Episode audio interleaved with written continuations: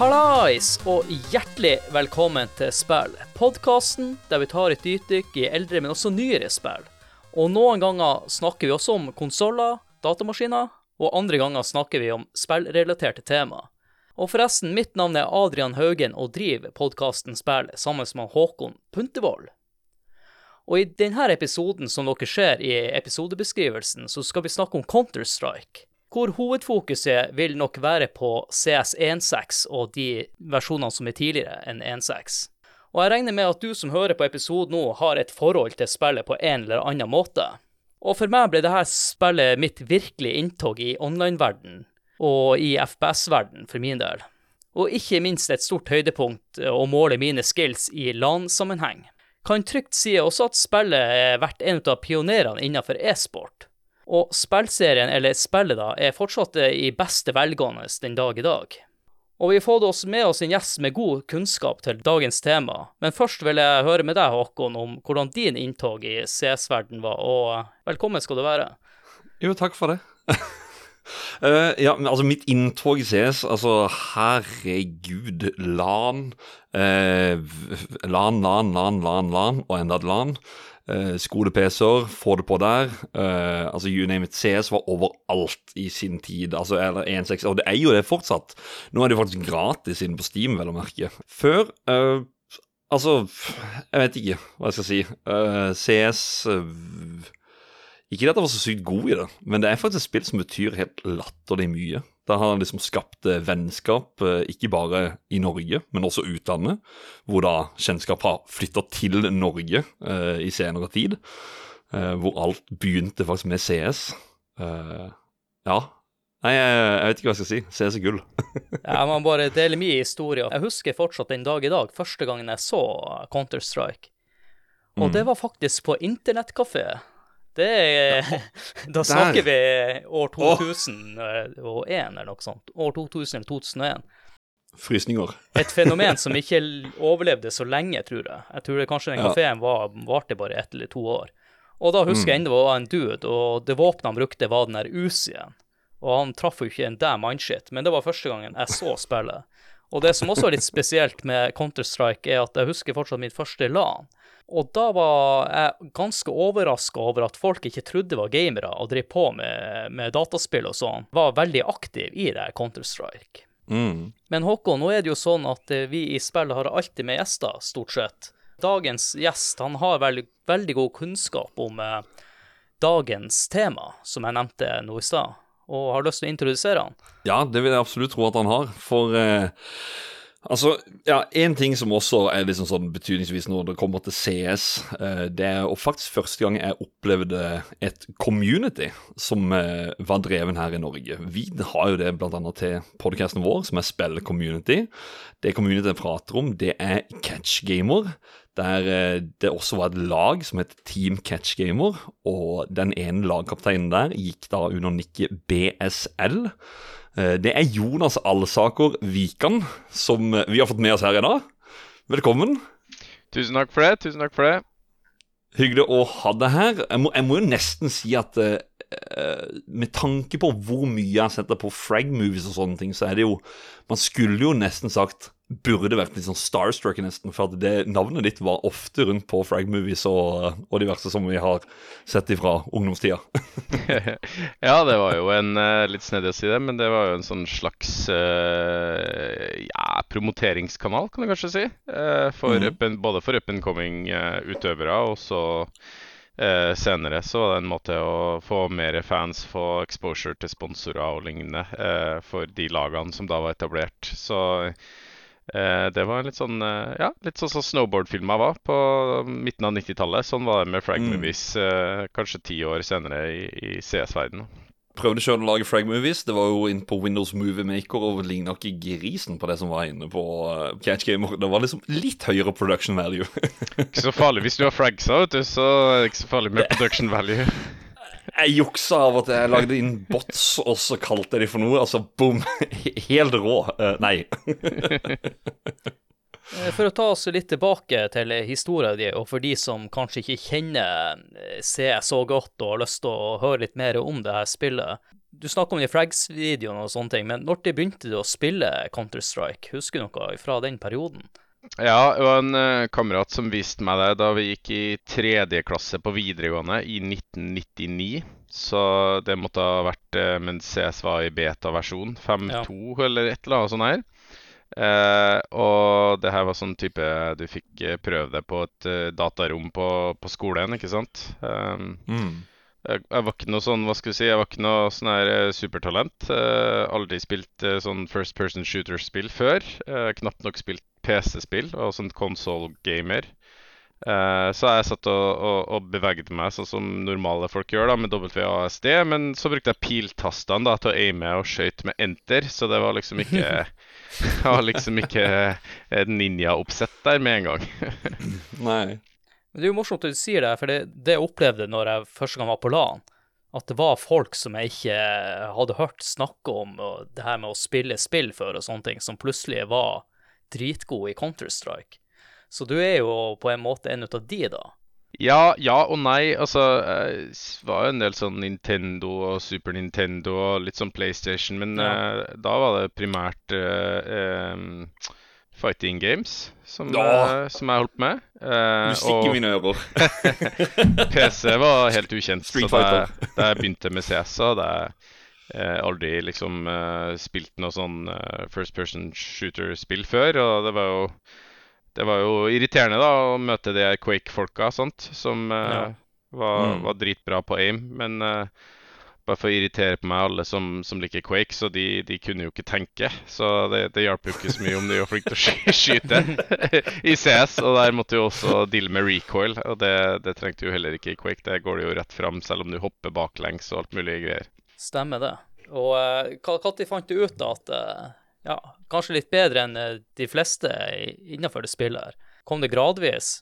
Nja, det gikk ganske fort. Det var på noen sånne lokale eh, datasamlinger i, i, Trondheim, da, her jeg bor. Eh, og var vel topp to-tre der. Da spilte man jo bare public server, ikke sant. Mm. Mm. Så da hadde noen lært meg å bruke mus. Eh, det gikk ganske fort å bli brukbart eh, god på det, da. Um, også, men så måtte jeg i, i Forsvaret. Så jeg var på rekruttskole og var offline skal jeg si da, i fire-fem måneder eh, før jeg kunne prøve det igjen. da. Eh, og så, så merka jeg vel ganske kjapt at jeg hadde litt eh, lett for det, da, antagelig. Eh, og, og, det gjorde jo at jeg syntes det var gøy å, å prøve å, å å bli bedre, så skal jeg jo et friår etter Forsvaret eh, før jeg skulle begynne å studere uansett. Så da tenkte jeg da bruker jeg det året på å se hvor god jeg kan bli. Um, og hvis jeg ikke er bra nok til å være på proffnivå etter ett år, så, så får jeg heller legge det på hylla og konsentrere meg om studier. For jeg var jo allerede 1920 da da jeg liksom begynte med det her. Det er jo litt eh, komikveld i 2023 når du ser liksom tiåringer som sitter og er bra på FPS. Men uh, Mm. Det, var en, det, var en, annen tid. Det var jo det. Tilgangen på alt også. Alt var jo helt annerledes. Det var det. Hvordan eh, årstallet var når eh, du fant ut at du skulle prøve å bli proff? Nei, det måtte ha vært uh, våren 2021, da, antagelig. Jeg var russ 2000, og så var jeg Forsvaret. Uh, og kom ut på våren av 2021. 2021? Du mener 2001? 2001 mener jeg! det Nei, jeg bare lurte når du på 2021. Du, du så nok ikke så ung ut. Nei, Nei men det, det, er jo litt fascinerende å si 2001, fordi at uh, nå husker jeg ikke helt i farta. Jeg skal fortelle lytterne etterpå når CS 1.0 kom ut. Men på den tida i 2001 så tenkte jeg ikke på at det fantes noe e-sportlag og sånne ting. Så det er litt fascinerende i 2001 eh, at eh, det var jo samme året jeg begynte å dra på LAN, da, mm. at eh, du tenkte å bli proff. Så jeg, jeg var ikke klar over at e-sportscenen var så kjent på den tida allerede, at du tenkte i de banene. Ja, nei, jeg var ikke klar over det heller. Så, og jeg hadde ikke PC-utstyr hjemme, så jeg dro på en, en nettkafé i Trondheim. Og da var det jo sånn at det var liksom noen som, eh, som, viste rundt andre som ikke var så godt kjent i ting, da. Så eh, da, da var, tror jeg det var noen som hjalp meg inn på noen sånne nettsider for, eh, for e-sport, da. Eh, og da så jeg at det var hm. konkurranser i USA eh, og topplag fra Sverige og deler av Europa som dro dit for å, for å konkurrere. Og det Jeg er glad i å reise, og det var jeg da òg. Så tenkte jeg det hørtes gøy ut. Eh, hvis man kan kombinere eh, konkurranse da med lagspill og, og racing. Så det var det som på en måte gjorde det for meg at jeg tenkte oi, da prøver jeg å bruke et år på å bli bra nok til, til å liksom eh, bli tatt opp i et sånt lag, da. Eller eh, på en måte på den tida var definisjonen på at du var god nok. sånn at noen, et selskap ville sponse deg den, den turen over dammen til, til Dallas og USA, da. Ja, for det var jo også rundt eh, den perioden at vi begynte endelig å få ordentlig bredbånd i hjemmene våre. For jeg husker jeg prøvde med noen runder med CS på 56-kommodem, og det var ikke helt vellykka. Men den høsten 2001, da fikk jo vi bredbånd hjemme, og da begynte vi å gå over ifra å spille Jeg husker jeg hadde en kompis, eller han jo fortsatt kompis med Øystein. Han tok med PC-en hjem til meg, så vi kjørte det i LAN. Så vi spilte én mot én hele tida det åpna opp en verden når vi endelig fikk komme oss på LAN, og etter hvert også kunne spille mot folk på servere og sånne ting. Så mm. det, det, er jo utrolig morsomt å få med en kar som ja, tenkte de banene allerede da, med tanke på at eh, bredbåndet var ikke en normal ting på den tida, og internetten sugde, og det er jo et spill som krever litt reaksjoner også. Jeg satt jo på nett, nettkafé, vet du, så slapp å, å stresse med linjeproblematikken. For jeg hadde ikke råd til PC, så jeg hadde ikke PC hjemme. Um, og, og, derfor så var det i hvert fall den biten grei, da, ikke sant. Um, mm. Og da var det jo en sånn slags På den kafeen det var jo mest uh, spillentusiaster som var der. Så det jo, ble jo et sånt miljø da for uh, det er liksom som sånn LAN hele tida. så det var gøy, det vi hadde vel fire nettkafeer, og så begynte de å ha overnattingslan. Eller, eller sånn at de hadde oppe hele natta når man kunne ha en sånn nattpass eller sånn. da. Ja, det, så de beste i Norge på det tidspunktet. Da jeg begynte, hørte jo til en, en nettkafé nede i Arendal eller noe sånt, tror jeg det var. Oh, ja, ok. Som kalte seg for Xpec. Så, så de, var, de var best i beste nasjonale laget sånn rundt 2000 og 2001 på det tida der. Ja, lo hmm. local gang fra, fra nede i Arendal. Kult. Jeg tenker at litt senere i episoden så skal vi gå litt nærmere inn på det her med LAN og turnering i Norge og den internasjonale scenen og e-sport. Men før den tid, som jeg nevnte nå i stad, så har jeg lyst til å fortelle dere og lytterne om hvordan det her CS-eventyret starta. Oh yeah.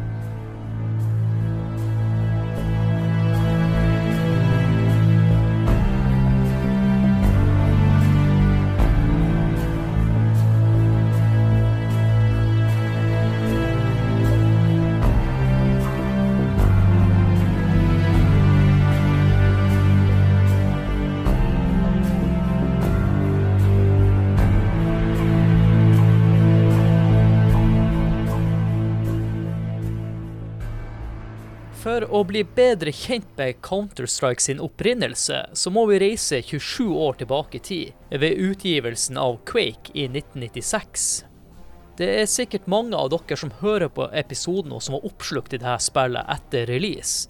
Og dere var ikke alene, for førsteårs-college-studenten han Min Lee, med nicknamet Gooseman, var også oppslukt i Quake.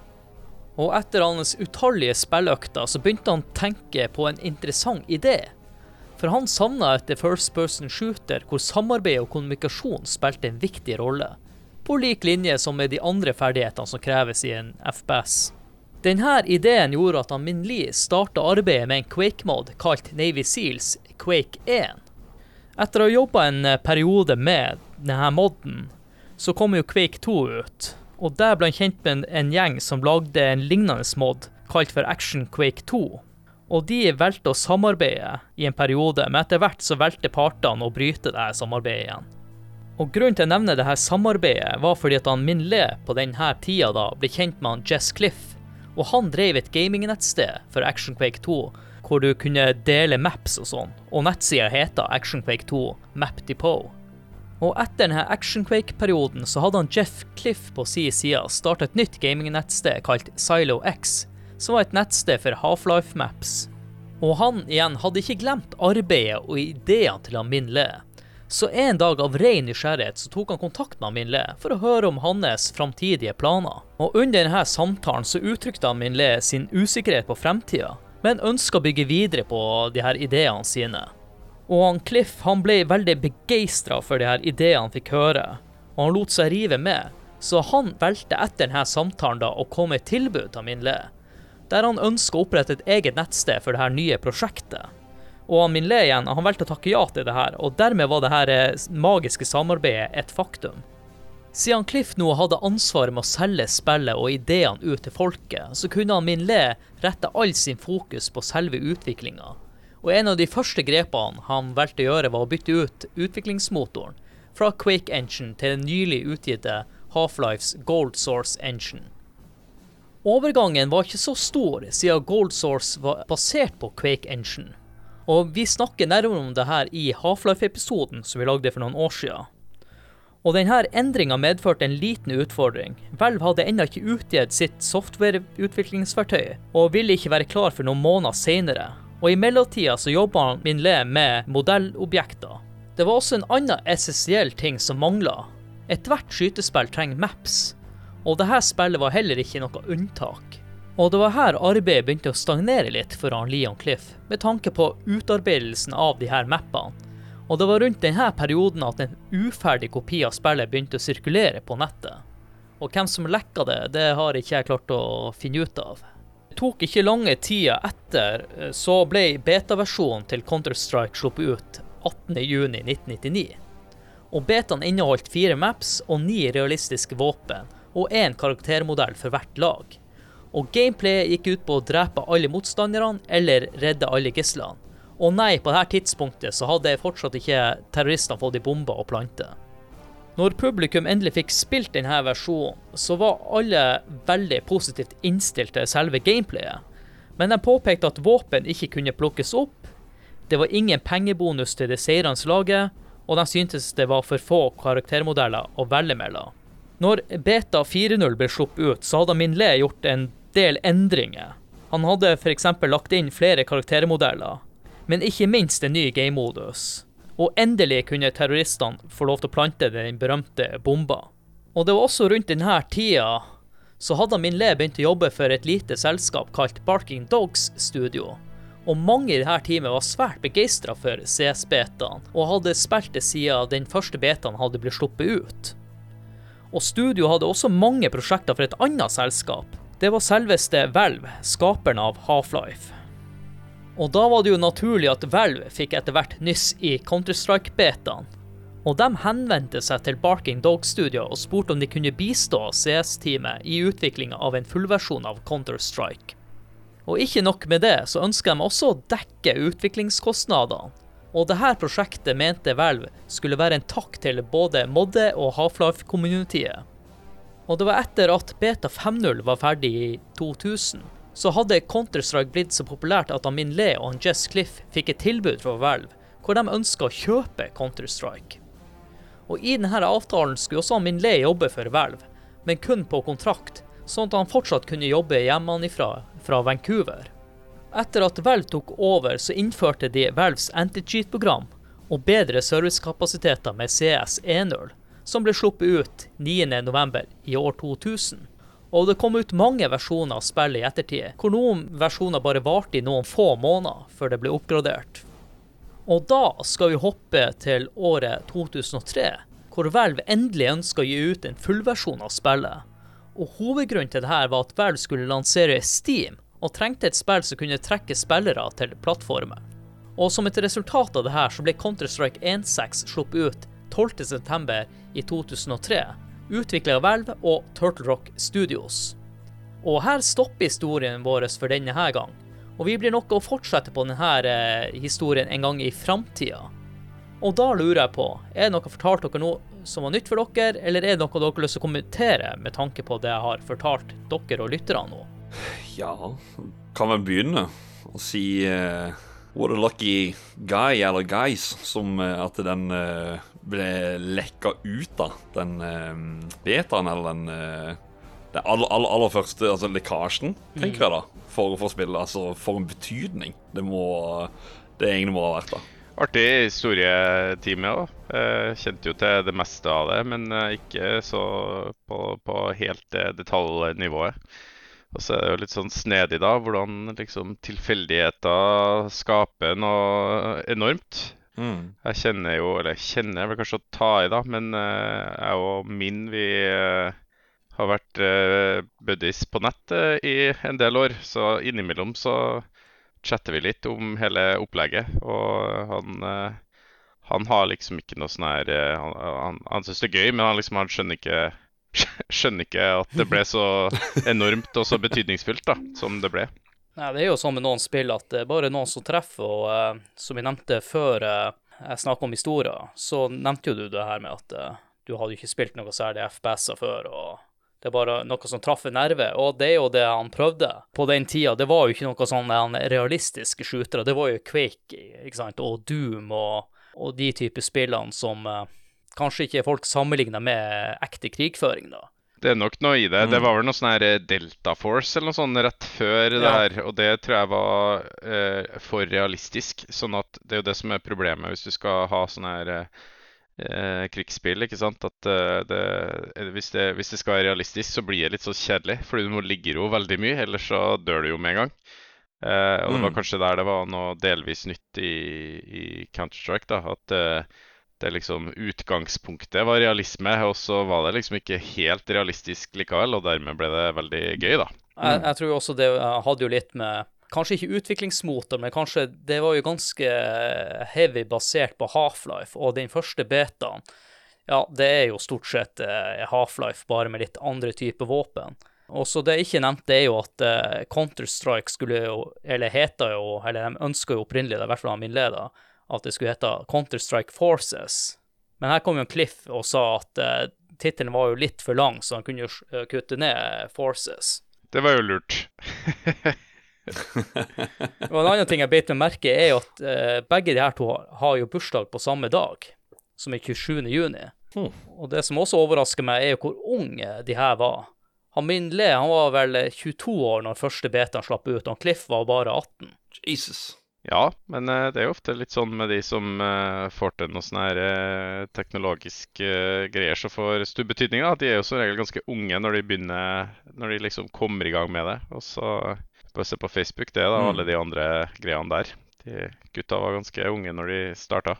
Og det som også er interessant, er jo at han, Minle ville jo opprinnelig utvikle det her spillet på Quake 2 spillmotoren. Men det fantes allerede da en mod som var litt lignende, som heter Navy Seals 2 til Quake 2. Så derfor valgte han å gå over til Half-Life da, og basere mm. moden på Half-Life. Den betaen, eh, det er jo kanskje det vi har diskutert litt tidligere, at når folk tenker tilbake Jeg nevnte jo tidligere i episoden av det her med, med CS16, men jeg tror mange, når folk snakker om CS16, så tror jeg de mener mye tidligere versjoner. Og uh, denne betaen, eh, jeg fant ut den hadde jo 13 oppdateringer fra beta 1.0 og oppover, før CS 1.0 kom ut. For Det er jo det som er litt gøy for meg akkurat nå, da. Når du, Jonas, da nevnte dette her med beta nå i stad, uh, så tenkte jo jeg egentlig bare Ja, snakker vi veldig tidlige versjoner, men når du også har lest opp denne historien nå, så jeg var ikke klar over at det var så mange betaer av det spillet her før. Jeg husker at jeg spilte 1-2, og så har jeg minner av 1-5. Det var det, det, altså det var det store inntoget, på en måte. Det var der altså menyen som jeg kjenner igjen, at du måtte inn på Half-Life, starte modden, og så Ja. Det var vel 1-5, eller om det kanskje kan ha vært 1-4. Og så er det jo selvfølgelig da opp til 1-6. Ja, det var ganske spennende en stund, det der, da, vet du, sant? for det kom nye ting. Og så ny eh, De drev jo, bare for å hoppe litt fram i tid, sant? så har de jo drevet og oppdatert eh, Counter-Strike Go, som har vært de siste ti åra, veldig mye. Men uten at de liksom nødvendigvis har kalt det noen ting, ikke sant. Men eh, Mm. på den Mm. tida der så var det et, liksom et nytt navn for eh, ikke hver update, men i hvert fall ganske, ganske ofte, da, som endra ting. Um, og det var jo også en del av suksesshistorien, det at de bestemte seg for å fikse det som var dårlig og ikke fungerte bra. og De pussa basically på det i en del år, da, sånn at det ble Mm. bedre og bedre og, og bedre. Og så Det førte jo igjen til at flere folk ville, ville spille det. Um, og igjen flere tilbakemeldinger til, til produsenten om hva som måtte fikses. Og så det ble en sånn eh, hva skal jeg si, en god sirkel, da. Det er jo sånn hvis det, Nå har jeg jo nå nylig gått og sett tilbake igjen på de tidligere versjonene. Du, du ser jo det er jo mye endringer egentlig fra versjon til versjon på disse spillene her. Så det Ja, det blir jo sånn som jeg nevnte, med at uh, de fikk tilbakemelding om at det var lite karaktermodeller, og litt sånne småting. Og det her eh, med de versjonene også. Jeg tror jeg så noen plasser så var det jo, gikk det jo kanskje bare litt over en måned før en ny versjon var ute igjen. Og det er jo som, som Jonas sier, at eh, ja, de tok virkelig tak i det. Men jeg tror også det har noe med at uh, de som driver på med CS her, de var spillere sjøl i utgangspunktet. Det kommer jo fra Mm. Modø-communityet. Og da tror jeg de står på mer enn hvis det er kun folk som er ute etter å tjene cash. Det var, det var litt mer passion. Det tror jeg du har helt rett i. Det var liksom ikke Det ble ikke liksom Det ble verken laga eller fiksa på med kommersielle hensyn i, eh, i de eh, første åra der. Eh, og det kan nok være en del av suksessoppskriften. Det er jo litt sånn Vi skal snakke om E-sport er veldig populært nå, da, når, når det kommer nye spill hvor liksom produsenten fra start av sier at spillet er e-sport ready. Eh, og for oss som på en måte har vært med en stund, da, så vet vi jo det at liksom Quake eh, og, og CS da, som var de store e-sportspillene, de ble store e-sportspill fordi folk digga å spille det så mye at de ville konkurrere. Og så på en måte vokste det seg fram en konkurransekultur. da. Eh, Mm. Jeg tror det er en mye riktigere måte å tenke på enn at du, du tenker at du skal liksom lage spillet til e-sport. For det er på en måte communityet som bestemmer om det er verdt, å, verdt at det skal bli en e-sport. da. Eh, det er mulig jeg er liksom eh, litt for gammel og, og purist når det kommer til de tingene der, da. Uh, men uh, hver gang jeg hører sånn her, ja, spillet e-sport ready, så får jeg litt, litt vondt i Men det er, jeg er jo helt enig, egentlig. Det er, ja, det er, det er jo passion. Jeg, som jeg synes at det her er så bra tema, egentlig, at kanskje vi skulle lagd en egen episode om det her e-sport-greien. For jeg sitter jo og spiller nå eh, Fifa, der EA tydeligvis hører eh, på de folka som driver på med e-sport, men klarer ikke å lage et eh, bra spill, på en måte. Så IAFC som er ute nå, 24, det får mye slakt. Både fra Mm. content creators og oss uh, hardcore gamers som eh, har egen Discord-kanal og diskuterer tingene. Og du inne på discorden til spill på en, på en helt vanlig kveld. Jeg tror Fifa hadde vært helt klart det største e-sportspillet hvis de hadde hatt uh, Altså hvis de hadde hatt som ambisjon å gjøre det til e-sportspill. Men uh, så Mm. var det vel sånn at de tjente så sinnssykt mye penger på det hvert år at, uh, at det liksom ble ideen. Jeg vet ikke det her, da. Jeg bare Mm. tenker, ser det utenifra, Ja, liksom. ja, nei, eh, de, de, de prøver jo å pushe e-sport-del, men de klarer ikke helt å Hva skal jeg si? De, de prøver å få det skikkelig proft, men det funker bare ikke. Nei, nå ja, men eh, liksom eh, på samme tid som da CS ble stort, ikke sant, så kom det jo et nytt Fifa-spill hvert år da òg, så måtte alle bruke 320 spenn eller hva det kosta Ja. for å kjøpe det. Eh, og det var på en Mm. måte viktigere fordi at de skulle tjene den summen da, hvert år med hvert nye Fifa-spill, i stedet for å tweake det sånn som man gjorde med CS, sånn at det, Ja. Mm. det ble bedre og bedre. Og det, du skjønner jo liksom, hvis du har eh, spilt Fifa 2011 og brukt masse tid på å bli dritgod i det, og så kommer Fifa 2012, og så er det, har de endra noe vesentlig. Så Ja. all den treninga du har lagt inn, den eh, i beste fall så er den bortkasta, ikke sant? Ja, det, det sier noe der. Det er derfor jeg ikke gidder å lære, lære meg metaen som han Håkon vil at jeg skal gjøre hvert år. Det blir Så- så er det bare tull å gjøre det, ikke sant? Det er borte neste år uansett. Det var derfor jeg var vekk ifra etter Fifa 12. Da var det noen endringer som skjedde som bare Nei, nei nå er jeg ferdig. Ja, sam, Men eh, samme. nå Tilbake til CS. ja, ja, tilbake til CS. Jeg skal ikke snakke om Fifa. Jeg har sagt en, en episode alle skal lage, og det er om Fifa. For det er om det er kanskje den spillserien jeg bruker mest tid på for tida. Da må jeg lage det. Ja, ja. Men eh, før vi snakker om eh, det her turneringmbiten og alt det, så må vi jo snakke om spillet eh, generelt. Og det som alltid er en suksess, eller gjør et spill til et suksess, er jo eh, designet. Og som mm. sagt, det er jo Counter-Strike en mod av eh, Half-Life, men synes vi at de klarer å at spillet at de klarer å distansere spillet fra selve Half-Life, da? Tja, ja og Ja. nei. Eh, altså, Ja, jo ja, nei, for det er jo grafikkmotoren, er det. Ja, og, Men det er jo, så det, det er jo bare looken. og Half-Life var jo også Det var jo mennesker i Half-Life, i tillegg til alt det Ja. andre som kunne krype og gå, liksom. Så Mm. du kjente jo igjen, da. Jeg hadde jo spilt litt Half-Life, så du kjente jo igjen looken. Men samtidig så var det jo helt klart noe annet også. Kan jeg, jeg, men da må jeg spørre da, Jonas. Runda du noen Half-Life, eller, eller spilte du noe sånn særlig Nei. Med tanke på hvor mye du spilte CS? Nei, nei. Uh, altså, jeg prøvde Half-Life før, uh, før CS, og Jeg syns vel det var bra, men ikke tålmodighet til å spille sånn, uh, sånn storytelling-spill, altså. Så jeg datt vel av der lenge før det var runda. Ikke fordi det var så vanskelig, men fordi det var, liksom, tok for lang tid. Ja, ja, ja. Er samme her. Jeg må faktisk si at jeg spilte Half-Life Multiplayer før vi begynte med CS Multiplayer. Å, oh, kult. Det var egentlig sånn vi kom, eller ja, fant ut av CS, da. Uh, det er også ja, Som sagt, det er jo noen elementer der Uh, jeg nevnte jo det her med gissel og sånn. Det er som litt artig med gamle, noen av de gamle baner, sånn som The Office og sånne uh, maps, der du skal redde gisler. Der, er jo, de, der har de bare brukt de professorene som er i Half-Life. Ja, stemmer. samme. Ja. ja. Stemmer. Stemmer. Herregud, det har jeg aldri tenkt på. Jesus. Nei. Is. Det er jo så vi, oh. Easy utvikling, det, da. Slipp å lage en ny modell. Ja. Men eh, det, det, var bare når du nevnte Gissan også, jeg bare hører den derre Hey, let's get out of here! Den hviskinga som du gjør når du trykker på E-knappen, så får du med det. Og samme, altså, det mest obvious er jo med lydene. Alt av trykkelyder og gålyder og sånne ting er jo eh, henta fra Half-Life. Eller det er jo Half-Life-lydene. Mm. Så det er jo sånne ting som eh, Som du sier, Håkon, kanskje ikke alle har lagt merke til eller tenkt over, men det er jo sånne ting som bekrefter at det her er mod. Og på den ja. tida så visste ikke jeg hva mod var, så jeg, jeg, tenkte jo at CS var et eget spill, da, for at våpendesignet og eh, karaktermodellene er litt annerledes. Mm. Uh, og så er det jo det her med uh, For min del med, med design generelt, det er, det er, noe med looken. No, den, den, er litt clean, på en måte. Og, og det ser bra ut.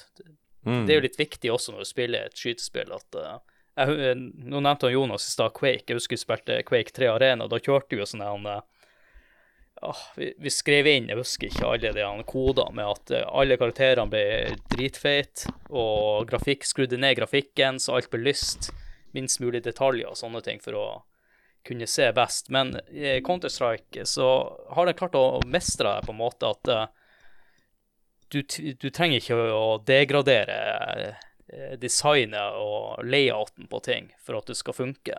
Så det er veldig effektivt. Altså, ja. Designet og alt der er veldig effektivt. Det kommuniserer på en måte det som er intensjonen, uh, på en sånn kjapp og enkel og grei måte, uten at liksom Altså, nå ser det ut som Minecraft, men uh, ja, ja. Mm. på den tida der så var det ganske bra nivå på det, altså. Det var liksom ikke topp av the pops på grafikk, men det var helt kurant og, og effektivt.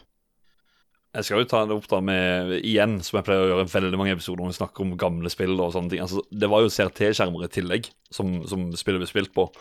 Og jeg tenker jo de spillene som dere, eller de skjermene som dere brukte på proffe turneringer, det er jo sånn i dag Det er så svindyre skjermer. For det er så sinnssykt klart og bra bilde på dem. Å spille sånne, sånne spill da, eh, på, på, det gir også en helt annen uh, vibe enn det de gjør med å sitte på en LED-skjerm i dag. Ja, og så måtte du nesten ha på deg solkrem, for du var jo helt stekt i trynet etter et LAN. Sittet 48 timer foran skjermen der og, og drevet på og uh, spilt. Men uh, det, mm. det, som også er det her med designet vil få frem, det er jo karaktermodellene. Jeg syns jo i hvert fall CT, Counter Terrorists, at de hadde kule looks. Det her er litt sånn Alle de, de, de karakterene var jo sånn Navy Seals som å se på TV. Og så kan vi heller diskutere de terroristene, hvor kule noen av dem er. Jeg syns ikke alle har like kult uh, design. Jeg skal si at CS er faktisk grunnen når du sa det med CT, og looken på de, det var faktisk grunnen for at, sta, for at jeg prøvde å spille SWAT. På grunn av at de hadde ganske lik look. Det var det sånne blå politidrakter igjen med hette over og liksom Ja, nå, nå skal de inn, og vestene er på, våpnene bæres. Så uh, fikk jeg sånn SES vi bare, men det er jo langt ifra det samme. og så noen andre ting jeg også lyst til å trekke frem, hvis dere husker det. Eh, fra den betaen så fulgte jo sånn spray, så du kunne spraye på veggene. Og tagge. Etter hvert så kunne du jo tagge bilder av deg sjøl og sånn. Det var også litt artig. Eller det var noen som kanskje hadde noen nakenbilder av diverse sprayer på de veggene. Så det, det, ja, ja, det var jo en, en eh, funksjon som var med fra starten av.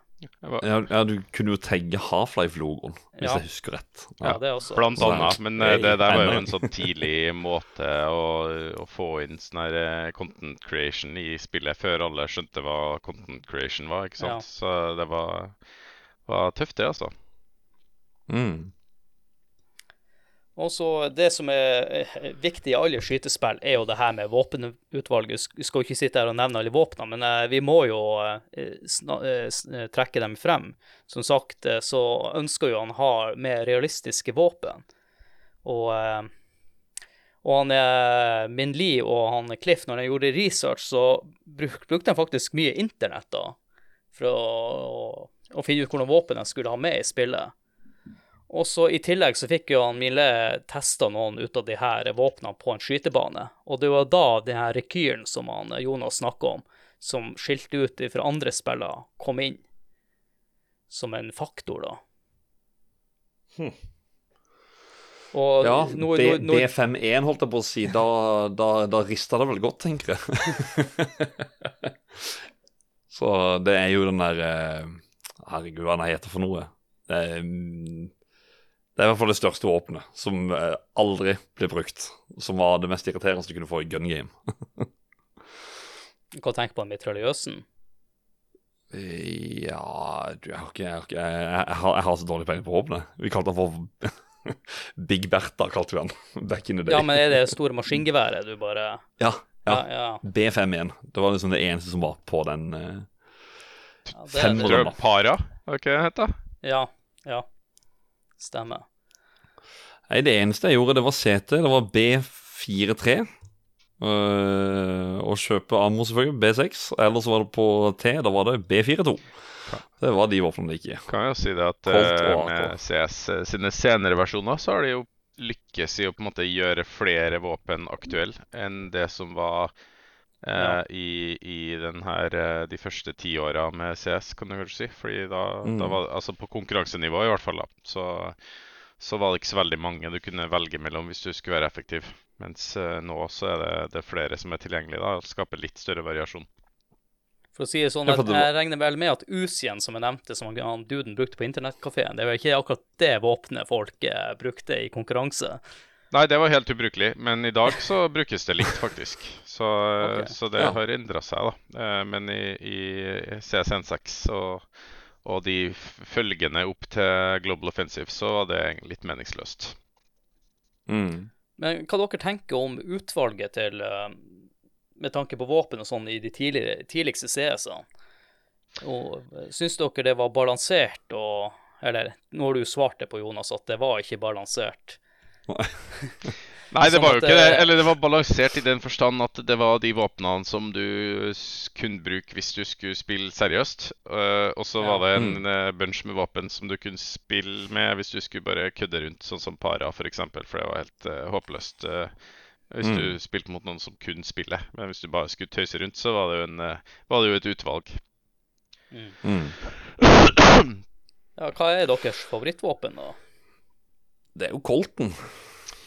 Er det ikke det Er det ikke den Eller M4A1, er det ikke det? Det var vel Ja. Colt var jo navnet på han, eller et eller annet, på en periode. Åh, hva er det den våpenlista for? Ja, men, ja, det er M4, den assault rifle som Ja. jeg tenker på. Mm. Nei, jeg hadde ikke noe sånn spesielt uh, favorittgreie. Liksom, når du skal være pro-gamer, så må du på en måte mestre alle. Ellers så blir det vanskelig. Men jeg tror liksom sånn naturlig så var jeg best med M4A1. Med- Passa spillestilen min antagelig bedre enn en AK, da, som var det som man brukte på terroristlaget primært. Mm. Ja, og så har du jo Eller det er alltid lurt på hvorfor heter A- Hvorfor sier folk AVP når det heter A- AWM? Arctic Warfare Magnum. Men alle sier AVP.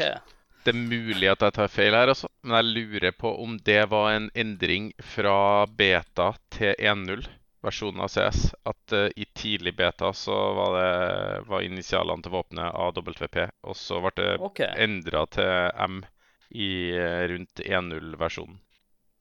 Det får det får du researche neste gang. Ja, eh, det var bare noe jeg kom på nå. Jeg hadde ikke tenkt at jeg skulle ta dypdykk i alle våpnene. Uh, det, Mm. Selvfølgelig, det var jo alltid pain in the ass å møte folk som var gode med den uh, sniperrifla, for dere som ikke vet hva vi snakker om. Espen, hvis du hører på, det er mange dødsfall jeg har hatt med Espen med AVP. Så ja, shout til Espen. Eh, men eh, den andre sniperrifla, den brukte jeg av og til bare på kødda. Den er, eh, den scouten, som er kalt for skiskytterrifla. Ja, men der hadde du jo banen Scout Knives. Da Gravity og diverse var litt sånn at du, du fløyt litt opp og kunne Ja, du hadde Det var jo bare én mot én. Eller, eh, eller Ja. eh, Det var jo egentlig bare Du, du hadde ett map hvor du, du hadde så hus på hver side. Og så kunne du liksom Ja.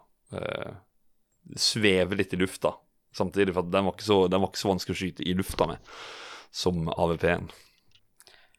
Jeg eh, tenker jo at uh, vi kan jo uh, Er det noe mer dere har lyst til å nevne angående våpnene? Eller skal vi hoppe over til å snakke litt om uh, maps?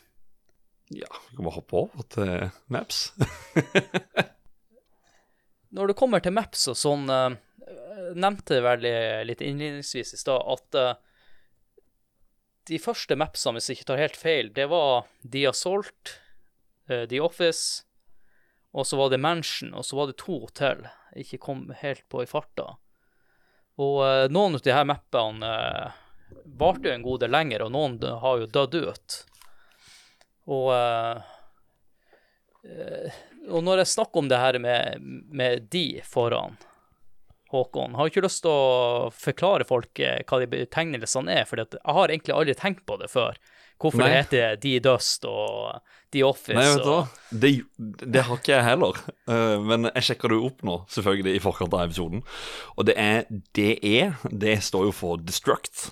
Og du nevnte jo Assault, men det er jo ikke de Assault. Det er CS Assault, Ja, hvor du da skal ja, redde gislene.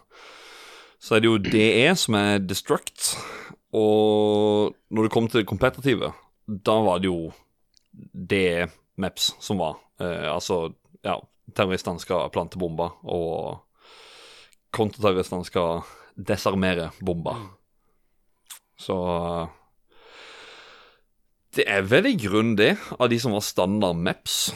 Men eh, Skal vi se Når For der må du nesten hjelpe meg, Jonas. Du som har vært på en proffescene. Fordi på den kompetitive biten så var det, som jeg forsto, tolv maps Oi.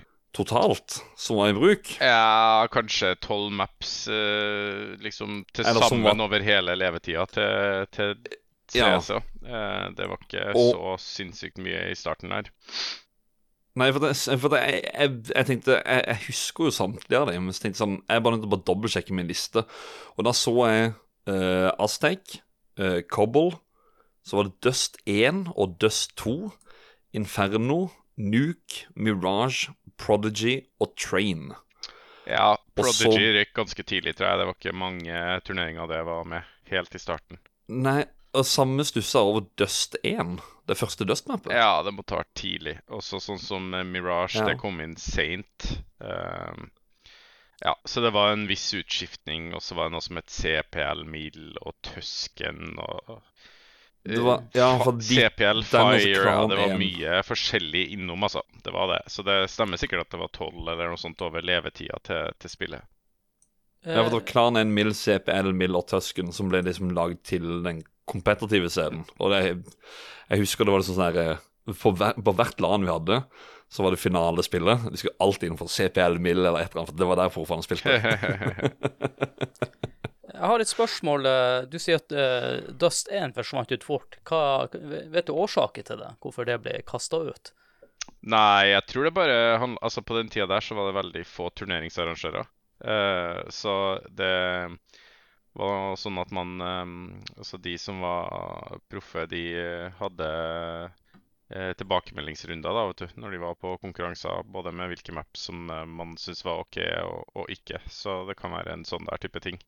Det var jo ikke kasta Mm. ut av CS, det var bare Det ble bare ikke konkurrert på noe særlig etter eh, ja, første, første året, egentlig. Første to årene, tror jeg. Mulig jeg tar feil, altså. Så mm, noen som husker det bedre enn meg, kan, kan arrestere meg. Men uh, jeg tror ikke jeg har spilt mange om noen uh, Altså, jeg har ikke spilt noen internasjonale konkurranser på Dust. Det må i så fall bare ha vært sånn uh, diverse greier her hjemme i Norge eller, eller på, på nett, altså online-turneringer. Mm. Meg og Adrian, vi spilte uh, i forbindelse med Good Game og Telia-ligaen, så spilte vi på Dust på CSGO. Det gikk ikke så bra. Nei, det, der, der gikk det jo bra. Det var verre på train. Det var da vi begynte å bli aids. Nei, det gikk ikke så bra på Dust. Jo da. Jo da det, det, det gikk eh, vi, vi, vi drepte dem noen ganger i starten der. Jeg klarte det av og til. Men jeg må jo si at eh, Nå skal vi ikke snakke om CSGO i denne eh, episoden, men eh, ting var litt forandra. Jeg hadde jo ikke spilt eh, Counter-Strike siden hva fant jeg ut, i 2006-2007 med Source, som var før jeg ga opp eh, CS, med Mm. tanke på at det var militære og studier og sånne ting. Jeg har en liten fun fact om Dust 2, som kanskje er det mest populære mappet da, og sikkert nå også, i CS, er jo at uh, det her mappet blir jo laga av David Johnstone. Og han mener også vært innblanda i Dust 1, da, som kom ut med Beta 4.0. Han hadde opprinnelig tenkt at uh, tittelen til Dust 2 skulle være Dust 3, for han mente at mappet ikke var bra nok til å være en direkte oppfølger. Da er du mapdesigner ut av rang. Hvis du bare Nei, dette dette, Nei, nei, nei. Det passer ikke inn. Dette her, her er ikke en oppfølger. Dette er noe annet. Jeg må si det var en bra fun fact, altså. Kudos for den. Ja. Men jeg mener vi fikk en annen Dust 3 i ettertid som ikke slo så godt an. Jeg tror også jeg prøvde en sånn greie som bare forsvant ut ganske kjapt, ja. Det bare ble tull. Men hva som er deres eh, favorittmap? Det er for Dust 2, altså. Det er det. Jeg tror jeg likte På den tida der så, så jeg syns jeg Train var gøy. Eh, og for det var liksom Det var litt sånn eh, mer kompleksitet i, i å konkurrere på Train enn på mange andre maps. Og så likte jeg Nuke godt. Ja, Nuke er så vidt jeg husker hvordan den var. Vet du hva, jeg, liker Inferno også, for en spesifikk grunn. Vi, eh, som jeg nevnte, så spilte vi med et par folk fra utlandet, og så da gikk jo praten i engelsk. Og da har du den ene svingete bakken, som vi kalte for banan. Og da sier han ene i full panikk bare så I, I got killed. They, they're coming to, they're, they're coming on, on, on, on Chiquita. OK. Han husker ikke navnet Banana. Eller istedenfor i stedet for å si altså They're coming on banana, så er det bare They're coming Chiquita. så Budundish. Derfor uh, Den ligger også høyt oppe. Ja, jeg, jeg tenkte jo, eh, for min egen del, siden dere nevnte, eller du Håkon nevnte i Dust 2, så jeg likte jo også eh, Dust 1, men en annen bane jeg har lyst til å trekke frem, som jeg mener var ganske tidlig, var Italy, som jeg syns var litt sånn uh, morsom Ja, bane å spille. Tror jeg. Var det ikke det? Nei, Nei, det har jeg ikke sjekka ut. Nei, ja, ja, ja. Uh, For å si det sånn, jeg har ikke orka å gå gjennom alle mapsene. Men det skal sies at det var jo Det var vel kanskje ved 1.6 at eh, det community virkelig blomstra med forskjellige maps og mods og, og diverse, Ja. diverse. Du hadde jo A-map, eh, som var av typ veldig små maps, litt sånn som jeg nevnte tidligere med Scout Knives. Men da var det typ Det var bare én flate, og så kanskje noen kasser, og så lå våpnene fremme allerede. Så det var liksom Du kunne øve på Øve på aim. Eh, og, og den slags, da. Og Der var det jo egentlig Det var en slager, holdt jeg på å si, for oss også på, på LAN igjen. jeg har jo en liten, et map som jeg syns alltid var morsomt. Det er siden Super Mario Bros. eh, 3 med den, eh, den verden der alt er kjempa sånn, så alltid syns det har vært morsomt med litt sånn den, eh, Enten oversized eller undersized. Og Jeg eh, skjønner hvor du skal. de, de Rats er en sånn der, eh, et map jeg er svak for. Kanskje ikke så bra balansert, og det er jo litt store avstander sånn, så det, du får jo mye ut av de sniper-riflekampene som eh, jeg ikke syns er så morsomt. Jeg liker mer når man driver på med assault rifles og den biten. Men det, det er noe sjarmerende over det at du er ja, springer inne på et kjøkken som også er inne på et soverom. Og, eh, ja, det er utrolig liten hybel du er inne på. Jeg vet ikke hva jeg skal kalle det rommet der for. Ja, du gikk rundt i røyr og, røyr og diverse for å komme opp. Og like irriterende som å falle ned hver gang, fordi at du dauer stort sett hvis du falt ned. Eh, Jeg må jo nevne en soleklar favoritt, og det var jo eh, Kan jo skru klokka tilbake igjen ja, si to år, Adrian, hvor eh, jeg sa det at nei, vet du hva, nå skal jeg laste ned 1.6. Imens vi sitter her på Discord en eller annen lørdag kveld og bare slapper av. og Går jeg inn på 1.6, og du sier ja, sett det på stream. Jeg bare ja. Gikk jeg rett inn. Surf ski. Det var det jeg søkte på. Det var surf. Hva faen er surf? Ja, hva faen er surf? det er jo kanskje den beste modusen som ikke er CS eh, på Altså standard CS, da. Det er eh, hvor du da bør nedover en si en bakke som går ned til høyre. Da må du holde deg inne til venstre. Så må du liksom manøvrere på en spesiell måte med, med, med musa da, for å få best mulig fart og, og diverse. Hvis det er noen som husker Motorsagmassakrenes eh, server, så shoutouts til de. Og eh, takk for at jeg fikk lov til å være på topplista der sammen med min gode venn Jesper Ugland. På Surfski 2, var det vel.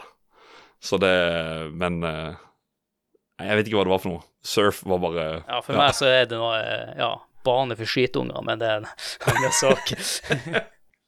Og syns du, Jonas, som var på det kompetitive, hva syns du om sånne, de ekstra mapsene? Som var sånn her, ja, Nei, jeg var ærlig, så var det lite av de som jeg, jeg var inne på, altså. Det gikk uh, Mm. Altså, all den tida som gikk med på CS, gikk med på relativt målretta trening. Så mm, Ja. Men uh, etter hvert så ble det jo brukt en del av de her treningsmapsa, altså AIM-map, AIM-map 2. Og så var det noe som het Mm. AK47-map på et tidspunkt. Uh, så de brukte vi en del som sånn uh, warm-up eller bare ren ferdighetstrening, da. Um, eller så Når, var det som regel hvis jeg skulle øve ferdigheter da, utover det å liksom trene med laget, så joina jeg som regel en, en sånn public server med 24 spillere. Og så bestemte jeg meg for å springe til høyre hele tida, og så bare kjøre på, da. Uh, for å Mm. lage mest mulig eh, utfordrende situasjoner, kan du kanskje si. Ja. Så at det skulle liksom bidra til å, å trene ferdigheter. Men uh, surf og de tingene der var jeg ikke noe, jeg ikke noe stor på. nei, nei, nei. det var, det var gøy når du sa AIM-map, faktisk. Da husker jeg på TG 2008, var det vel? Da husker jeg at da var det Petter Northug som satt der og spilte, og folk kunne få komme og prøve å spille CS mot Petter Northug på AIM-map. Ja, da hadde jeg lagt opp til en CS-karriere for lenge siden. For å gå, gå litt videre, så er jo akkurat eh, Jeg er jo litt nysgjerrig på akkurat du snakka nå, Håkon, det her med LAN. Jeg har litt lyst til å høre med deg, Jonas, om hvordan det her eh, CS-miljøet var i Norge i starten, når du begynte. Med LAN og alt det. Hvordan eh, tok det seg opp med Var det noen kjente lag som gikk igjen, som vant turneringer? og Har du lyst til å dele litt ut av de minnene, eller? Ja, altså Helt i starten så var det den gjengen fra Arendal, da, Xpec, eh, som var liksom det Det hjalp jo de litt, og at de alle fire eller fem Eller alle fem kjente hverandre fra, fra lokalmiljøet, da. Eh, og så relativt fort, altså i 2000 og, eh, 2001 allerede, så ble det på en måte en slags eh, elite av norske spillere som enten var i Ja, det var et tidlig norsk lag der, da, som bare gikk eh, åt skogen. Eh, men så ble man såpass god da, at man liksom Man var ikke på LAN fordi man var på konkurranser. Så Mm. jeg har hatt eh, ikke så veldig mange runder på sånn klassiske LAN. I hvert fall ikke etter at jeg begynte å satse eh, på CS. For ganske tidlig der så ble, ble det bare til at det ble konkurranser i stedet for LAN, hvor du liksom flyr en plass, og så står PC-er stilt opp, og så konkurrerer du, og så hvis du er slått ut, så er du slått ut. Da har du ikke tilgang til PC lenger. Så det er litt anna, litt anna greie. Uh, og jeg har faktisk heller aldri vært på TG. Det er litt sånn uh, fun oh, ja. Nei, ikke heller. så, så, så det ble Selv om det var liksom TG, var det jo noen konkurranser på, så var det en to-tre land rundt om i Norge, men det var mer for de som uh, ville på en måte opp på det nivået som eh, man var på internasjonalt. Da Da måtte du reise rundt på de der. Så, så jeg var ikke på så veldig mange av de. Det var jeg ikke. Du er såpass god at du bare hopper over eh, den scenen. Ja, det var på en måte et trinn i, i utviklingsstigen da, hvis du ville bli profesjonell spiller. Hvor liksom målet var å komme deg internasjonalt. Og hvis du da klarte å hoppe over de, eh, de lana, så, så var det på en måte fint, da. Men jeg husker jo min første hva skal jeg si, nasjonale konkurranse i Tønsberg, vel, i 2001. Ja, da måtte jeg reise reiste jeg fra Trondheim med sånn her kabinett, ikke sant, og så en jævla Ja. CRT-skjerm som veide 29 kilo. Så jeg var ikke lei meg da jeg slapp å holde på med så mye med akkurat det der, for det, den, eh, den reisinga der var slitsom. Jeg blir nysgjerrig der, ikke sant. Eh, Når man sitter og spiller sånn, så har man jo e- egen mus og den biten, og du bare dro til en plass og så setter med et oppsett med et helt annet tastatur, helt annen mus og sånne ting. Hvordan var den omstillinga? Det syns jeg er litt sånn sykt, for CS handler jo også om en god del om feeling og Jeg husker nå sjøl når jeg drev på som, eh, på det verste på CS der, så bytta jeg ut muse og jokka med innstillinger. Kunne jo holdt på i flere måneder med det for å finne en sånn sweet spot som. Jeg kjenner jo til det også via fighting-spill, som, som, du nevnte da tidligere, Jonas. Jeg er jo veldig aktiv i det, vært med og drevet det norske miljøet også en del. Og eh, altså, du kan ikke bare få en hvilken som helst fight-stick eller en, en, eller en eller annen pad i hånda. Du må ha ditt utstyr, liksom. Det, det, det er griseviktig når det kommer til det. Ja. Så, ja. Nei, alle har egen, hadde og har egen, uh, egen, mus, og som regel på det tidspunktet eget headset og musmatte. Og så var det litt sånn her optional om man gidda ha eget tastatur. Det gidda jeg aldri, for jeg har aldri sett pointet ja. med, med det. så så når jeg dro på konkurranse, så gadd jeg ikke å ta med tastatur. Jeg bare brukte det som var der, liksom. Um, men eh, det er jo riktig som du sier, det var veldig mange som hadde veldig mye issues med det der å finne sensen og For å si sånn, det er mm. mye som sitter i hodet med de greiene der, da. Uh, det er mye som blir sånne her unnskyldninger, eller du er nervøs, og derfor så blir det vanskelig. Og... Så jeg var litt sånn Jeg prøvde å være Jeg prøvde å finne på en måte en sånn, uh, sånn cirka innstilling Sånn altså hvis jeg tok uh, musa over musmatta og det var 180 graders vending, så var det liksom greit nok. Og så prøvde ja. jeg å, å, å, fokusere på liksom det jeg skulle gjøre, i stedet for om det ikke var helt perfekt. Det er mye syke, da, ikke sant. Eh, både på godt og vondt. Hvordan forberedte du deg til sånn turnering og sånne ting? For det, det er jo også sånn eh, tilbake i tida, så var det jo ikke like mye informasjon på hvordan du skulle forberede deg. Sånn som i dag, hvis du har lyst til å bli CS-proff og litt sånne ting, så, så kan du jo eh, søke litt på nettet for å få veiledning og hvordan du skulle gjøre det. Eh, hvordan gjorde du det før turnering sånn? Eh, la du inn ekstra spilletid da, eller, eller hadde du faste oppsett på hvordan du trente? Nei, vi, altså det var litt sånn varierende da, fra på en måte starten av proffkarrieren. Uh, da var det veldig mye mengdetrening kan du si, for å få høyt nok ferdighetsnivå. Uh, og så ble det veldig mye uh, mengdetrening med laget. og det som på en måte var vedvarende, var den der mengdetreninga med laget. For det blir jo en del utskiftninger i, i CS-lag, både med utøvere og at man bytter lag. Og da må du da må du liksom eh, legge inn timer sammen da, for å få det her eh, berømte teamplayet til å funke. Um, men det var ikke noe sånn det var ikke noe spesiell type forberedelse utover at vi, vi trente. Og liksom hvis vi på én turnering var dårlig på Dust 2, da, så justerte vi kanskje det. Endra litt posisjoner eller la inn litt nye taktikker. Og da måtte vi jo trene inn det også. Det var litt sånn justering da, uh, fra én turnering til den neste. Jeg er litt interessert i å høre på eh, hvordan det var det her med når du begynte å bli proff. Nå kjenner Håkon deg bedre enn meg med tanke på din historikk, da. Jeg regner vel med at du spilte for et utenlandsk lag på et tidspunkt? Ja, jeg spilte i et uh, norsk lag uh, først. Uh, liksom første si, nasjonale laget mitt, sammen med en som også fikk en veldig godt kjent karriere, som heter Ola Moum. Så vi var på en måte i vårt første norske topplag sammen um, og gjorde oss bemerka. Uh, han var mye bedre enn meg og dro videre til måte, verdens beste lag uh, med en gang. Mens jeg da hadde en litt sånn mer kronglete reise da, inn i et, uh, et lag i Brasil bl.a. og så til USA. Og det, det, det, var liksom en sånn greie hvor du liksom kom på konkurranser, og så viste du deg frem, og så traff du litt folk, og så det var liksom sånn community også på toppnivå, kan du si. Da, sånn som det var på mellomnivå og nasjonalt nivå, hvor du liksom hele tida eh, er i diskusjoner med andre om hvordan det går, og eh, hva man skal gjøre, og, og, og, sånt, da. Men når det er for et mm. utenlandsk lag, eh, var det sånn at dere måtte være på samme plassen, eller foregikk alt over eh, internett, da? Og så møttes dere opp på turnering?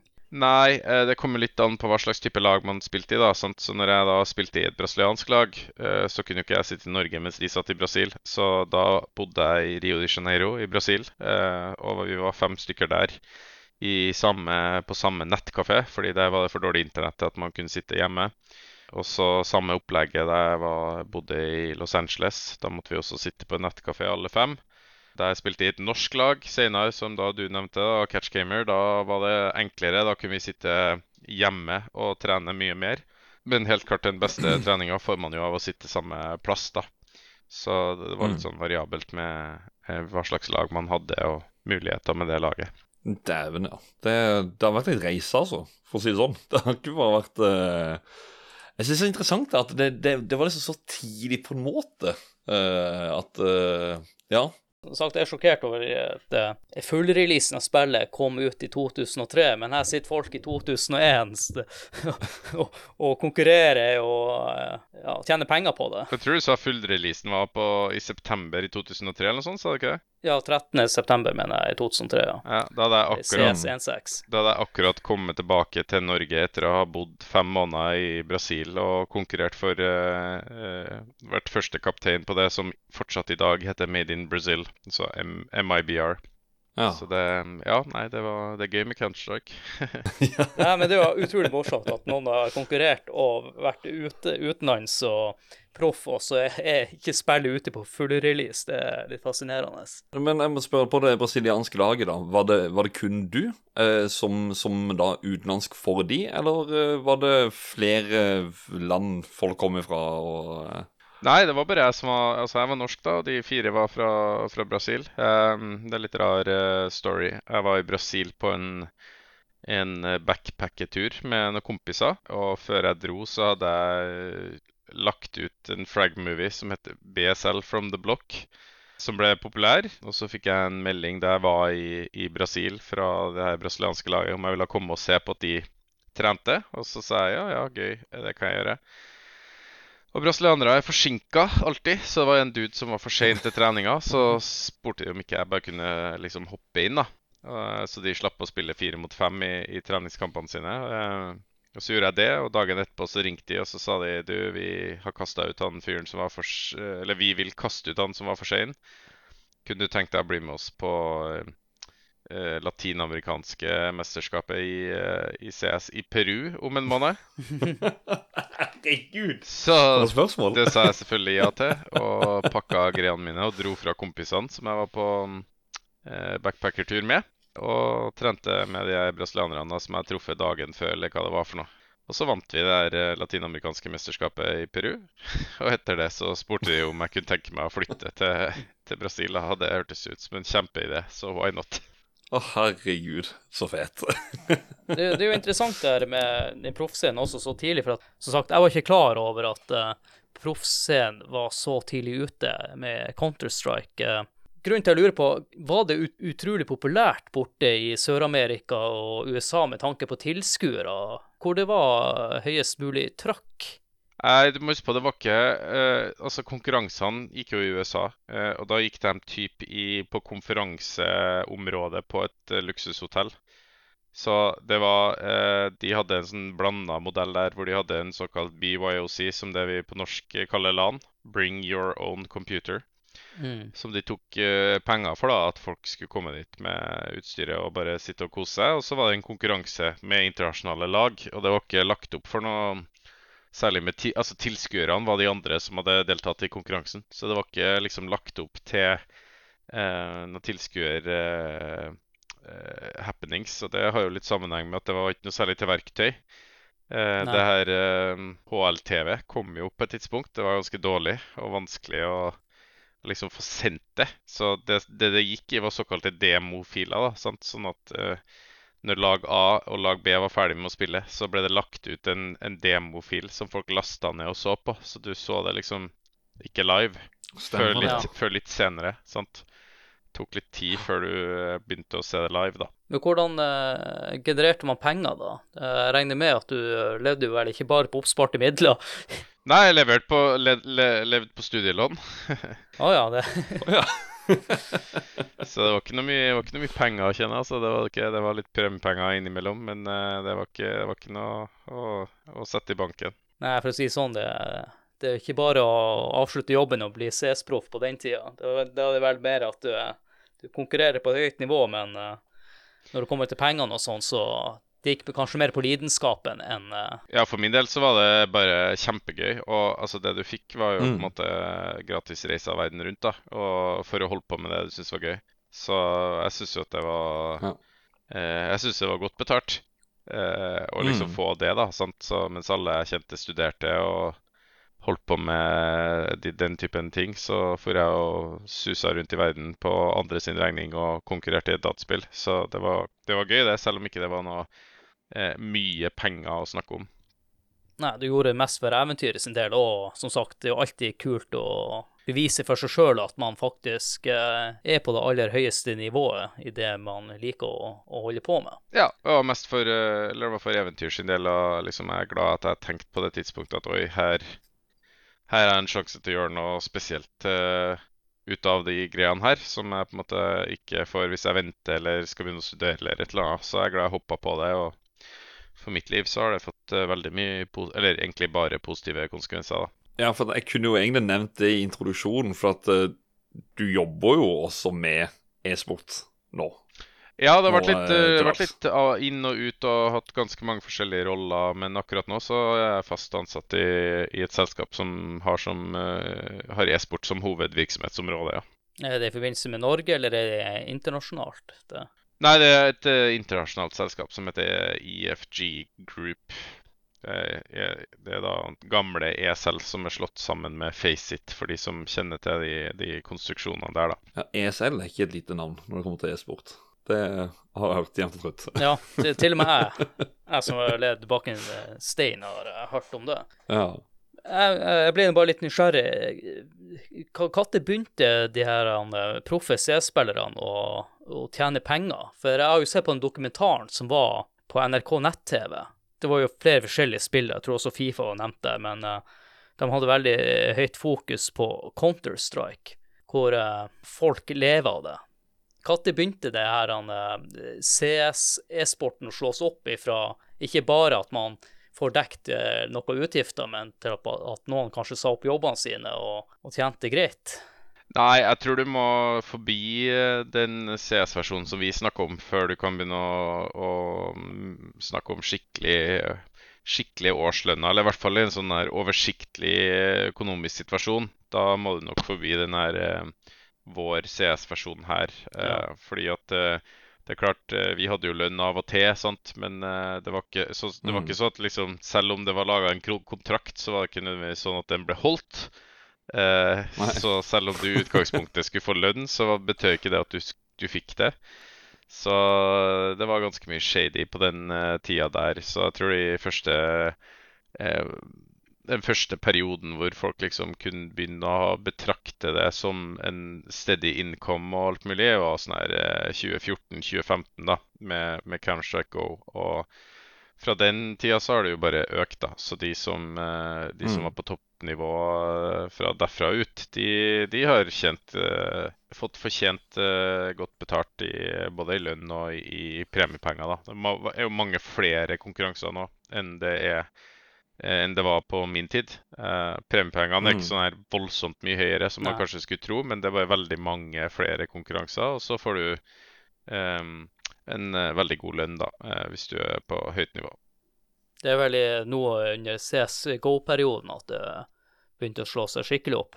Ja, det kommer litt an på hvordan du måler det, selvfølgelig. sant? Altså, Det var jo veldig populært eh, mellom 20, eller 2000 og, og 2010 også. Det er jo liksom der på en måte Ja. CS har sitt utspring. Det er derfor det er masse fans i dag. Fordi at veldig mange begynte med det på det tidspunktet, og, og veldig mye av eh, si, historielinjene og, og eh, bredden i spillet da, ble etablert. Og så med med CSGO så, så har man uh, to ting som har endra seg vesentlig. Det ene er at streamingteknologi ble tilgjengelig, slik at det ble uh, både enklere for de som uh, lagde konkurransene, å sende de og følgelig tjene penger på at mange så på.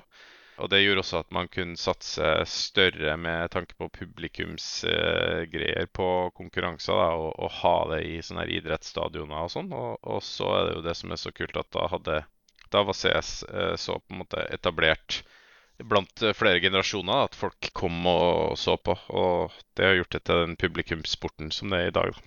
Jeg synes Det er utrolig kult at du kunne bare så switche på TV-en, og så vips, der er det plutselig en CS-kamp som, som går på likt som at du eh, eller Kanskje ikke like ofte som du ser på fotball, men det ender i hvert fall der. da Og det, det, det er utrolig, utrolig gøy, synes jeg. At, man, eh, at det som er kommet til det nivået. Ja, så kan det godt hende at vi blir gå nærmere inn på det i en annen episode, for uh, Mm. vi blir nok å lage en egen episode ja, fra rundt 2010, når CSGO ble en ting da.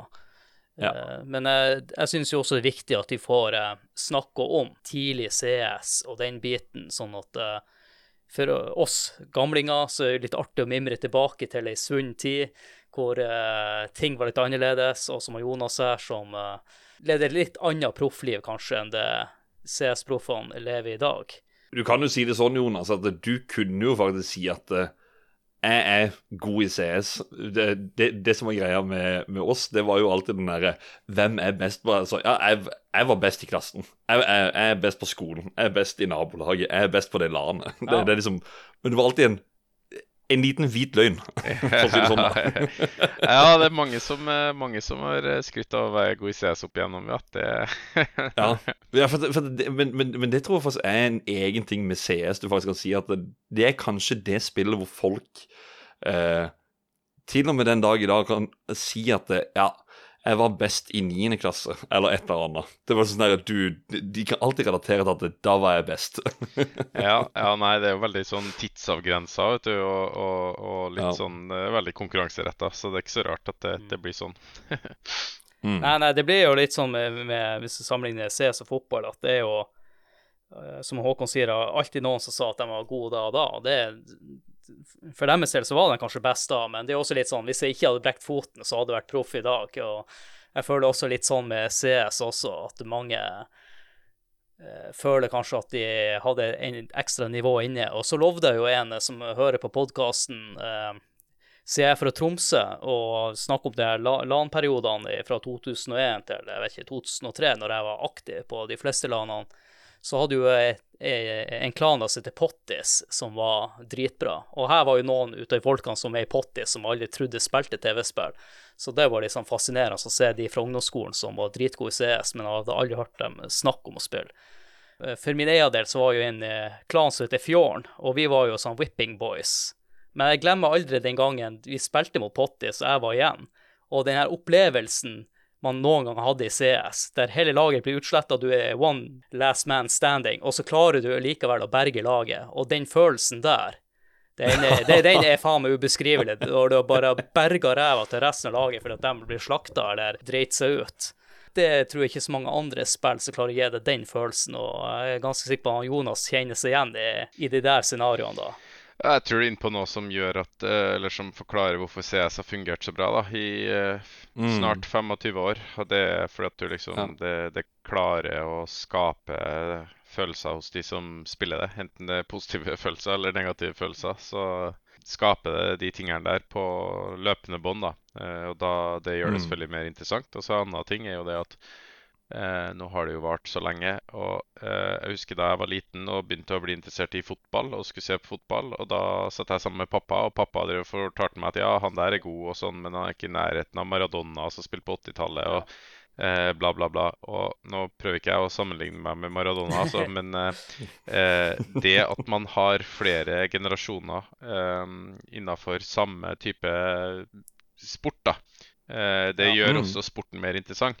Som også er et Mm. eh, godt uh, eksempel på hvorfor CS funker fortsatt den dag i dag. eh, Fordi at det har flere strenger å spille på enn sånn, når det kommer et nytt spill. F.eks. Ta Overwatch, som kom og liksom skulle ta fullstendig over e-sportverdenen. Det er bra spill, det, sant? Og, og community som liker det, det er God bless og bare fint. Men du har ikke det der dype eh, dype historiske bakgrunnen eh, som, som gjør det ekstra interessant. Da. Det der ser du jo den dag i dag, f.eks. Vi har jo en utøver som har vært på høyeste, høyeste nivå i CSGO, og nå har det kommet CS2, og han er fortsatt på høyest, høyeste nivå. Eh, og coachen hans, som, eh, coachen til laget der, det er en fyr som heter Neo, som var blant de eh, beste på eh, min tid, og som jeg aldri slutter å minne på, så slo vi de, slo vi de ut av, eh, av VM i, i Korea i 2003 på verst tenkelig måte. Unnskyld, 2005 var det, men på verst tenkelig måte. Så her har du liksom kobla gammelt med nytt, ikke sant? Og det, det gjør Mm. liksom mer interessant for, eh, for eh, CS-fans også. Hvis du blir interessert i det, så, så lærer du deg historien til utøverne og til de som er med, og så må du bakover i tid, og nei, det er kult, det. Jeg føler jo nå at vi har jo fått snakka en god del om eh, Counter-Strike, og eh, for dere som ikke har hørt på spill før, hvis det er noen som er nye lyttere nå som hører av at vi snakker om et kjent spill som CS, så bruker vi alltid å rate de spillene vi snakker om. Eh, og den skalaen og de kriteriene vi bruker, er fra Nintendo-magasinet. Så jeg tenker vi kan jo hoppe over til det. Ja. d'amore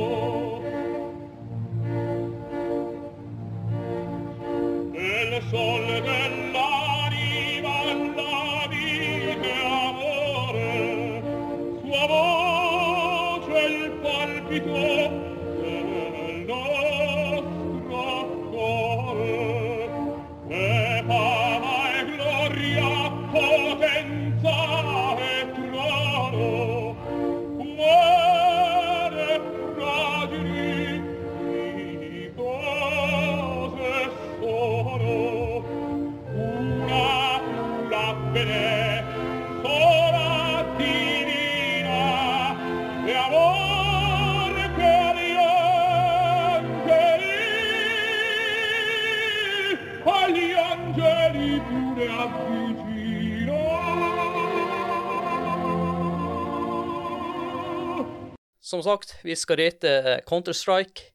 Vi tar utgangspunkt i Counter-Strike 1.6. Og uh, vi setter karakterene etter Nintendo-magasinet sine kriterier og bedømmer spillet etter de her fem punktene, som er grafikk, lyd, spillkontroll, underholdning og holdbarhet. Og skalaen er én uh, fra én til ti, da. Og grafikk, Håkon. Ja, dagens øyne kontra da altså, eh, det, er jo, det, er jo, det er ikke ti. Det er litt sånn der squarish. Ja, vi sier en åtte.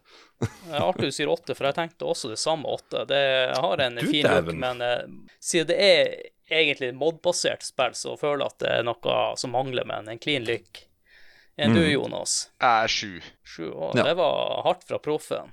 Han er steinhard på uh, lyd Uh, Jeg kan begynne der.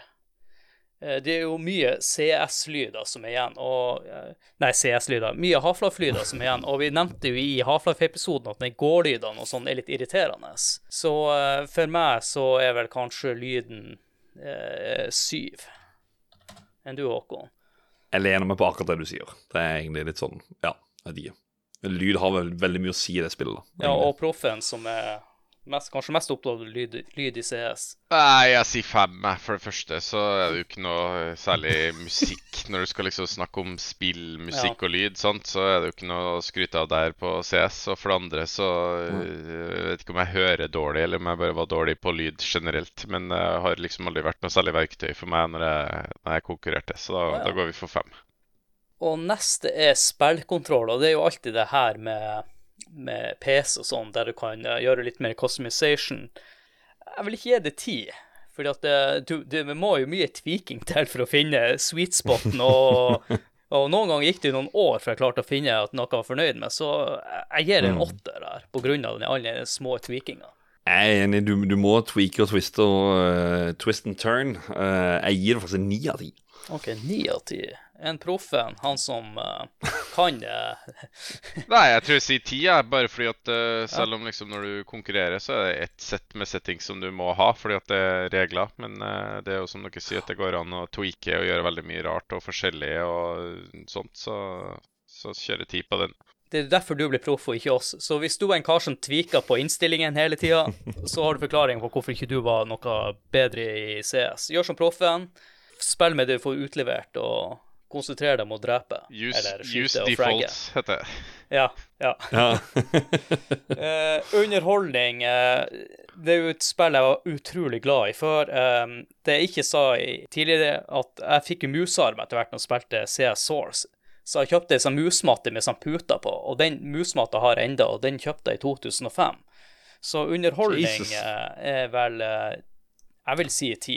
Ja, det er, det er en soleklar ti. Det er jo ikke noe annet å si, egentlig. Sam, Det er- samme, det er- vi sitter her eh, 15 år etterpå og snakker om det, liksom. Det er ti.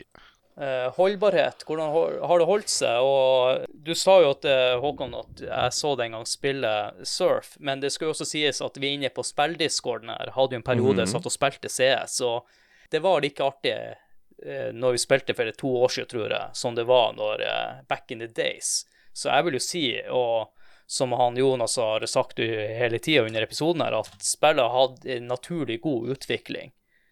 Og ikke gjør sånn, se, ikke gjør sånn Fifa som uh, fucker opp game mechanics år etter år. Så det får en tier fra meg. Jeg kan hoppe tilbake igjen og spille det for nostalgiens skyld, fordi at det, det, det er gøy med 1.6, men skulle jeg absolutt ha valgt noe for å si hva som er best, så hadde jeg gått for CSGO. Jeg har ikke kastet meg på CS2 ennå, men, eh, men eh, altså, åssen det har holdt seg, så gir jeg det en eh, ni av ti. Ja, ni av ti. Jeg sier ti, jeg, fordi jeg ser liksom CS2, CSGO, alle de greiene her er CS. Det er det samme greia, det har bare utvikla seg, og det liksom sier litt eh, om eh, holdbarheten. At man kan ha Mm. basically samme spillet gående eh, i flere generasjoner. Og så har vi vel eh, den eh, berømte lyttespalten vår. Og her skal jeg si en Ja. ting, at vi fikk jo litt tyn for i Max Payne-episoden at vi ikke hadde ute lyttespalte. Og så fordi at mange hadde mye å komme med. Og når vi først legger ut en ryttespart, jeg tenkte, eller jeg og Håkon har jo tenkt at CS der må Det skal du, eksplodere. Ja, der skal det eksplodere. Hele episoden vil Ja. handle om det. Men vi har ikke fått så mange. Men jeg er utrolig takknemlig for dere som sendte inn, og, det har jo, og dere som har sendt inn, dere har jo skrevet en god del. Så mm. Håkon, har du lyst til å begynne med han godeste uh, Ivar Goldboy Lobben? Ja, Ivar Goldenboy Lobben han skriver Jeg tar det for god fisk at det er snakk om frem til og med 1-6. Der har jeg nemlig gode minner. Var ikke, eh, var ikke den mest, eh, mest ivrige spilleren, men alle de forskjellige komboene satt. Eh, de viktige komboene, vel å merke, nemlig det å handle våpen, skil og ammo raskest mulig. For så å keybinde pistol og kniv, så du kunne bytte om på disse konstant mens man løp av gårde, og så ut som en tufs. Good times. Ja, det må jeg høre med proffen. Har noe for seg der å, å veksle med kniven og pistolen hele tida mens du springer, eller var det bare sånn show-off? Nei, jeg har lyst til å show-off, da. Altså, Hvis du skulle ha noe effekt, så var det å springe bare med kniven, for da sprang du bitte litt Ja. fortere. Da vet dere det, dere som har lyst til å bli proff. Det hadde ingen betydning. Driver på å springe sånn. Nestemann ut er han Kristoffer Getto Boys Hansen. Han skriver 'Jesus Lord'. Definisjon av LAN nærmest. Og det er jo enig med han er. Av minner vil han trekke frem én. Go, go, go, når man brukte norske stemmer. Eller gå, gå, gå, som skrev her. Nummer to eh, spilte meg inn på laget MIB, Monkeys in Business, rett eh, før mer eller mindre alle slutta å spille det for en stund. Og tre, CS-LAN i Havøysund helga istedenfor å lese til siste eksamen på VGS. Fikk førsteplass på landet og fikk eh, fem på eksamen. I see this is an absolute win. Ja, og det er jo ganske imponerende. Tror ikke noe på at han fikk førsteplass på landet og fem på eksamen. Det er jo åpenbart en uh, fiskehistorie. Nei, men uh, jeg skjønner han godt, fordi at uh, jeg hadde lyst til å bli proff, så droppa jeg eksamenene som han Jonas og ordna det heftig studielån for å finansiere gamingtid og null studiepoeng. Eller nå vet jeg ikke om du faktisk studerte, men Nei, nei, nei, du får ikke mer studielån vet du, hvis ikke du står på eksamen. OK. Da blir du cut off. Så hvis du hadde ikke vært proff i CS, kanskje du også fått fem og førsteplass på LAN i Havøysund. Nei, det er tull. bare tull. Bare tull. Ja. Den neste er Martin André. Ja, husker godt CS16. Det var på den tiden man dro eh, med seg PC-en eh, og den blytunge CRT-skjermen sin på LAN. Da kom man opp på Switch, sikkert man kunne spille med eller mot hverandre. Det fantes en ganske artig norsk talemåte til dette òg. Good times. Ja, riktig. Det er egentlig vi har prata veldig mye om i episoden. ja, den jeg tror jeg faktisk ikke har eh, vært borti. Nei, jeg har aldri vært borti den måten. Eller å, bytte ut de lydfilene. Hvem i all verden gidder det? Uh, Nestemann ut han uh, Paul Ivar Hatlebø Svendsen, som er jo ja, en aktiv bidragsyter. Uh, det her spillet husker jeg som det var i går. Uh, jeg har nok uh, klokka inn rundt 1000 timer totalt på det, minst. Begynte på rundt 2000-tallet og ga meg på topp rett før jeg skulle inn i Forsvaret i 09. Nivået mitt lå på rundt high pluss, siden det var ofte var meg og klanen søkte eh, på da vi skulle spille PCV og turnering gjennom Mirk. Om, om dere kjenner til det? Ja, selvfølgelig kjenner jo eh, Ja. til Mirk. Eh, nikket mitt var Toruk, og var egentlig en noenlunde lokal klan med navnet CTV, og spilte litt rundt om i distriktene på lokale LAN, og en gang på TG. Og der kom vi så langt som vi møtte Catchgamer under storhetstida deres, med blant annet han eh, BSL og, og Nikon. En liten fun fact på rappen er en av Norges beste i dag. Og Cornflakes og eller Corn spilte på laget vårt den gangen. Her, eh, her har vi åpenbart rota litt, eh, siden jeg aldri har vært på TG. Så Ja. Ja, og, og det vittige der vi, vi, vi, har, vi, vi har ikke nevnt i forkant at eh, du skal være med i Nei. episoden. Vi, vi, vi pleier aldri å skrive hvem som er gjesten, eller noe sånt, så det, det er gøy da at du, Ja, du ble men nevnt. det er jo konge, det CS. Det er jo det her, som du sier, de fiskehistoriene. Og eh, kanskje folk husker feil, og noen skryter på seg her. Men eh, det her var jo uh, Paul Ivar, det vi, vi har mannen mann her da, som kan eh, bekrefte at han Du spilte ikke mot han, i hvert fall. Jeg har ikke møtt det, kan du si. Ja. Og han har en til her, Håkon. Ja, eh, man, eh, han skriver også at må nesten tilføye at vi mellom øktene pleide å koble av med å spille hide and seek, eller slike vanvittig store brett der man skulle hoppe rundt om, eh, om hele veien til mål. Hide and seek det var altså da hvor du skal bruke bunny jump for å hoppe på plattformer som forsvant. Så ja, en liten mod der. Ja, det var Cool. jo eh, Som sagt, eh, vi fikk litt lite lytterbidrag, men jeg vil jo si at det vi fikk inn, det var jo utrolig morsomt å høre. Man kjenner seg igjen i mye ut av det her. og også litt røverhistorie, eller kan hende at han husker feil. Du skal ikke hive han under bussen her nå, men eh, Jo, men det, men det altså jeg, jeg, skal, jeg skal faktisk ærlig si meg Første gang, jeg har aldri gjort det før. Nesten litt skuffa. Dere som har klagd på lytterspalter før, det, dette her var liksom C4-en vi la inn på community. ja. Nei. Var stille som, som aldri før. Ja, ja. Men uansett, vi setter utrolig stor eh, pris på de bidragene vi får. Og, Det gjør vi. Det gjør vi. Og så er det jo sånn her i eh, spill at alle gjestene skal få lov til å promotere det de holder på med. Og eh, i ditt tilfelle så har du vel ikke noen podkast eller noe sånn som jeg kjenner til, Jonas. Eh, du, er det noe du har lyst til å promotere, eller? Nei, jeg bare promotere alle som eh, Altså, se på e-sport og, og kos dere med, med det. det.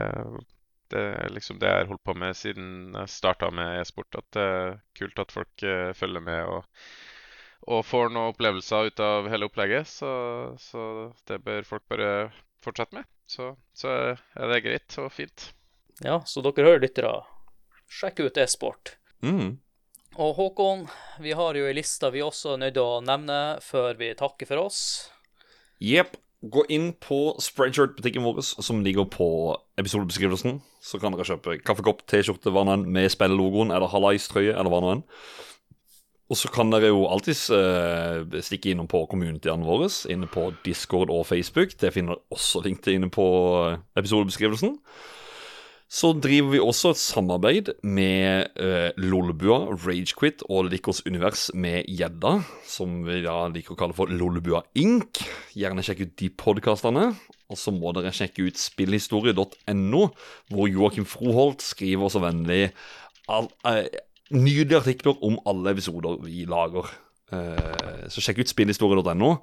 Og helt på tampen, eh, hvis dere ønsker å backe oss i form av Patrion, så kan dere gjøre det på patrion.com slash lolebua.